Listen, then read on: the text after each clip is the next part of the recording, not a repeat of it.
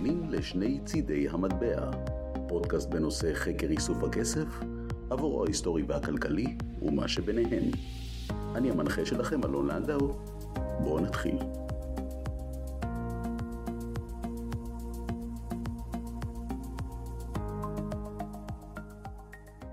שני צידי המטבע, תודה שהצטרפתם לעוד פרק על היסטוריה וכלכלה דרך שטרות ומטבעות. והיום, פרק מעניין בעל חשיבות היסטורית. פרק שמסכם את האירועים שקרו לאחר הכרזה על חלוקת ארץ ישראל בכ"ט בנובמבר 1947. היום אנחנו מכריזים על מדינה. אנו מכריזים בזאת על הקמת מדינה יהודית בארץ ישראל. היא מדינת ישראל. ב-14 במאי 1948 הכריזה מועצת העם בראשותו של דוד בן גוריון על הקמת מדינת ישראל. הרבה דברים העסיקו את ראשי היישוב של אז. הביטחון, העלייה, רווחת התושבים, אבל העניין הכלכלי היה בהחלט בראשם. הם ידעו שהמדינה החדשה תצטרך להנפיק מטבעות ושטרות חדשים לציבור. למעשה, החשיבות של המטבע חורג מנושא השימוש בלבד, של קנייה ומכירה. מדובר בעצם על חשיבות סמלית, כיוון ששטרות ומטבעות הם לא רק אמצעי תשלום, אלא גם סמל לריבונות. לכן, החליטו ראשי היישוב שעושים הכל כדי להפיק את הערכים החדשים, אבל עדיין היו בעיות. קודם כל, לאף אחד לא היה ניסיון בתחום, בתחום הזה של הפקה והדפסת שטרות. וגם אם היה ניסיון, לא היה בנק מרכזי שיתמוך בערכים החדשים. וגם לא היה באמת זמן. כלומר, מהרגע שהתקבלה החלטה על מדינה חדשה, לא היה תהליך ברור להפקה ויישום השטרות, וגם מטבעות, בצורה מוסדרת. אז ראשי היישוב החליטו שהטיפול בהנפקת השטרות הראשונים יהיו באחריות חברת בנק אנגלו-פלסטינה, שפעלה בארץ משנת 1901, חברה ותיקה ואמינה שהוסכמה על הכלל.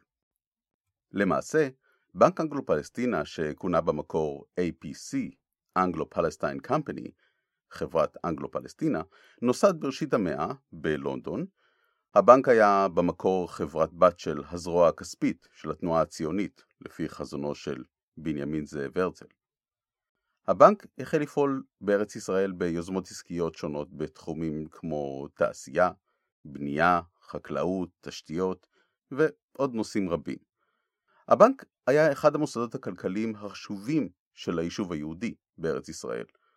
כל זאת בסוף התקופה האימפריה העות'מאנית וגם בתקופת המנדט הבריטי. בתקופה הזו, הבנק היה במעמד המוסד הפיננסי המרכזי, כלומר, ההסתדרות הציונית נעזרה בו למימון ולפיתוח של הארץ.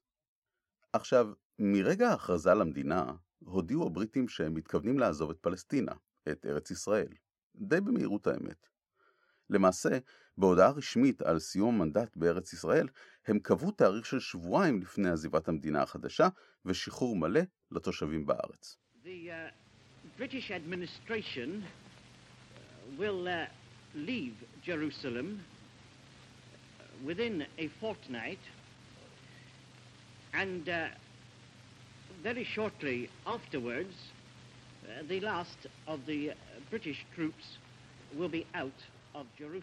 בגלל שהבריטים החלו די מהר במהלכים ברורים של פרידה וחזרה לבריטניה, ראשי היישוב חששו מאוד שאת רזרבות הכסף שקיימות במחזור, כלומר הפונטים שהיו בשימוש בארץ, ייקחו איתם הבריטים, לכשיעזבו. כלומר, היה חשש אמיתי שייווצר מחסור במטבע עובר לסוחר, שהכסף היחיד שיישאר בארץ זה זה שנמצא כבר בידי האזרחים, וזאת כבר תהיה בעיה גדולה. בגלל זה התקבלה החלטה על הדפסת שטרות חירום למדינה החדשה. למעשה, זה התנהל כמבצע צבאי לכל דבר.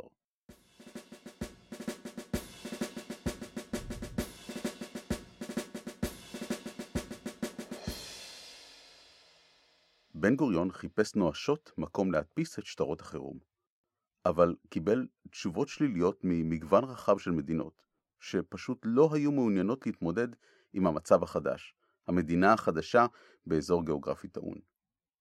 הפתרון היה הדפסה של שטרות החירום בבית דפוס אזרחי רגיל בתל אביב. בית הדפוס שנבחר היה דפוס שושני. על שטרות החירום לא נרשם שהם מטבע חוקי. הסיבה לכך הייתה שלא רצו לעבור על החוק שהיה תקף בזמנו בארץ בתקופת המנדט. השטרות שהכינו במהירות ובחשאי תוך ימים ספורים היו בערכים של 500 מיל, לירה אחת, 5 לירות ו-10 לירות ישראליות. השטרות הודפסו רק על צד אחד של הנייר, והם היו דומים יותר לאגרות חוב מאשר לשטרות רגילים. שווי השטרות הכולל שהודפס היה כשבעה מיליון וחצי לירות ארץ ישראליות, והסכום הזה היה זהה לשווי לירות הסטרלינג שהחזיק בנק אנגלו-פלסטינה ערב הקמת המדינה. הסוף של הסיפור הזה די מוזר. השטרות המודפסים הללו, כל שבעת וחצי מיליון הלירות, שבעצם הודפסו בצורה די פרימיטיבית על צד אחד של הנייר, נותרו רק כמזכרת מוזיאונית, ולעולם לא היו בשימוש. כל שטרות החירום הללו הושמדו לפני שנכנסו למחזור, ואלו שנותרו מאוד נדירים. בעצם, חוץ ממאה שטרות מכל סוג, ששומר עד היום בנק ישראל באוסף שלו, ידוע על 11 סדרות מלאות, כלומר 500 מיל עד 10 לירות, ועוד כ-60 שטרות שנמצאים במספר מוזיאונים ואצל אספנים בעולם. הסדרה הזו שהיוותה את הבסיס להפקת שטרות בפועל, נחשבת כיום לנדירה ביותר.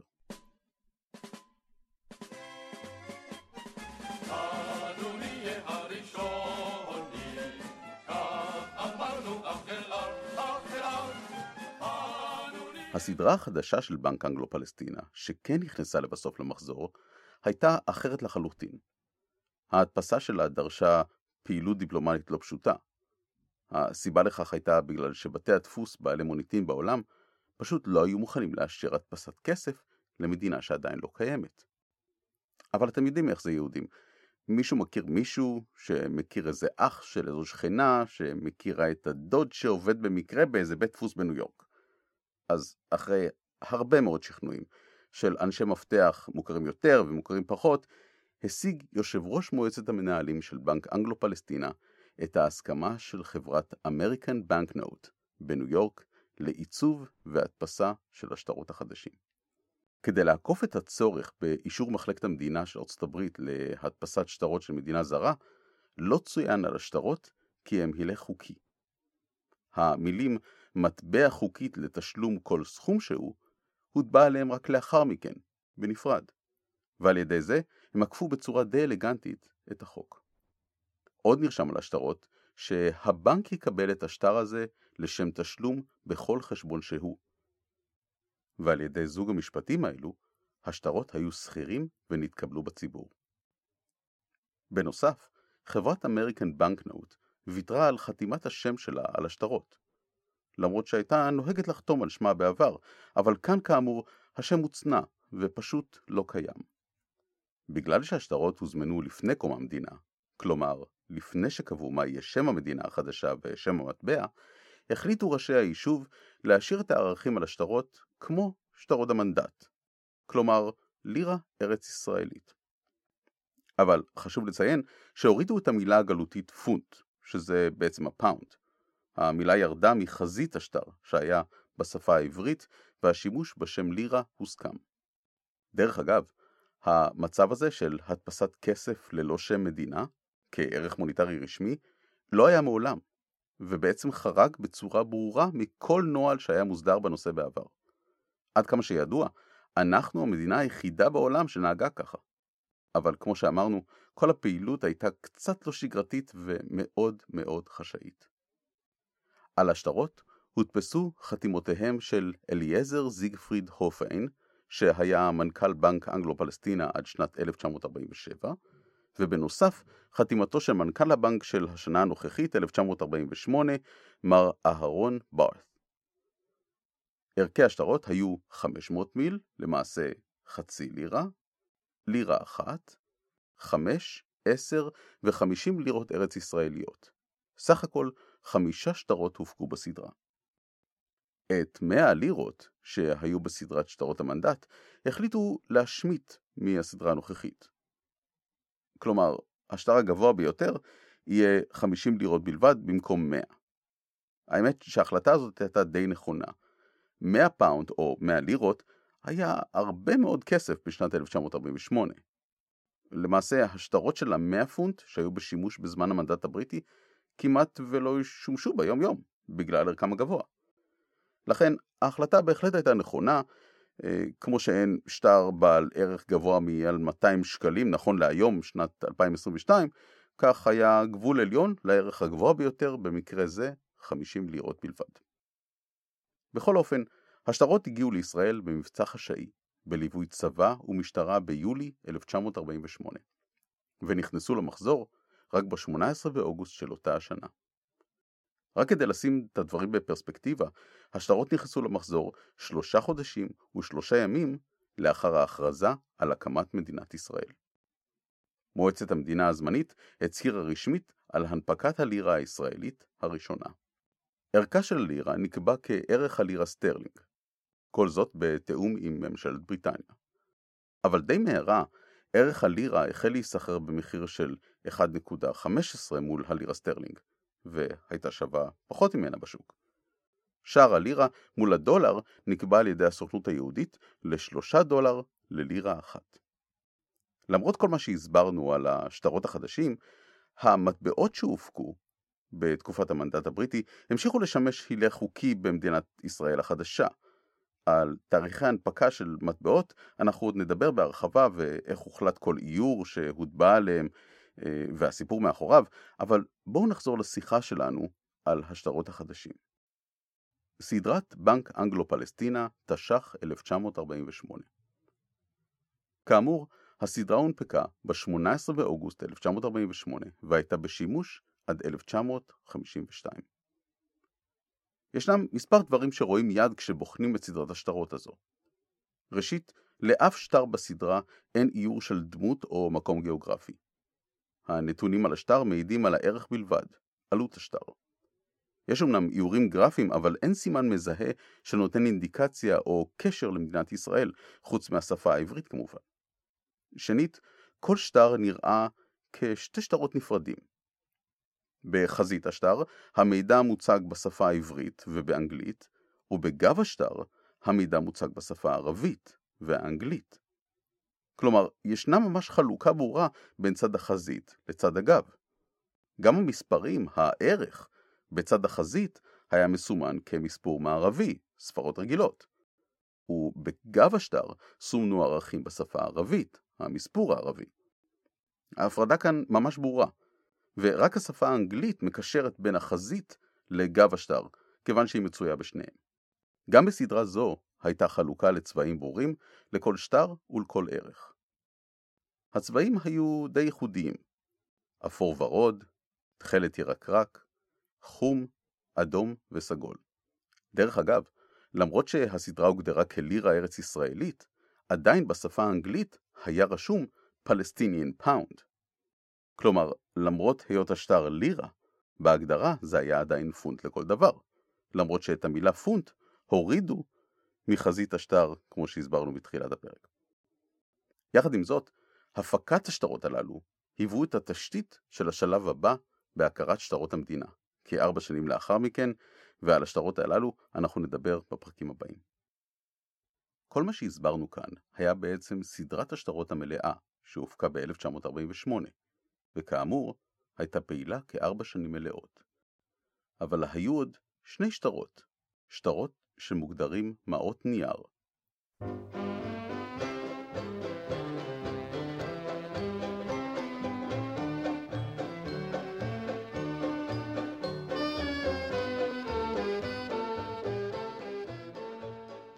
בשנים הראשונות של המדינה הצעירה היה מחסור במטבעות במחזור הכספים.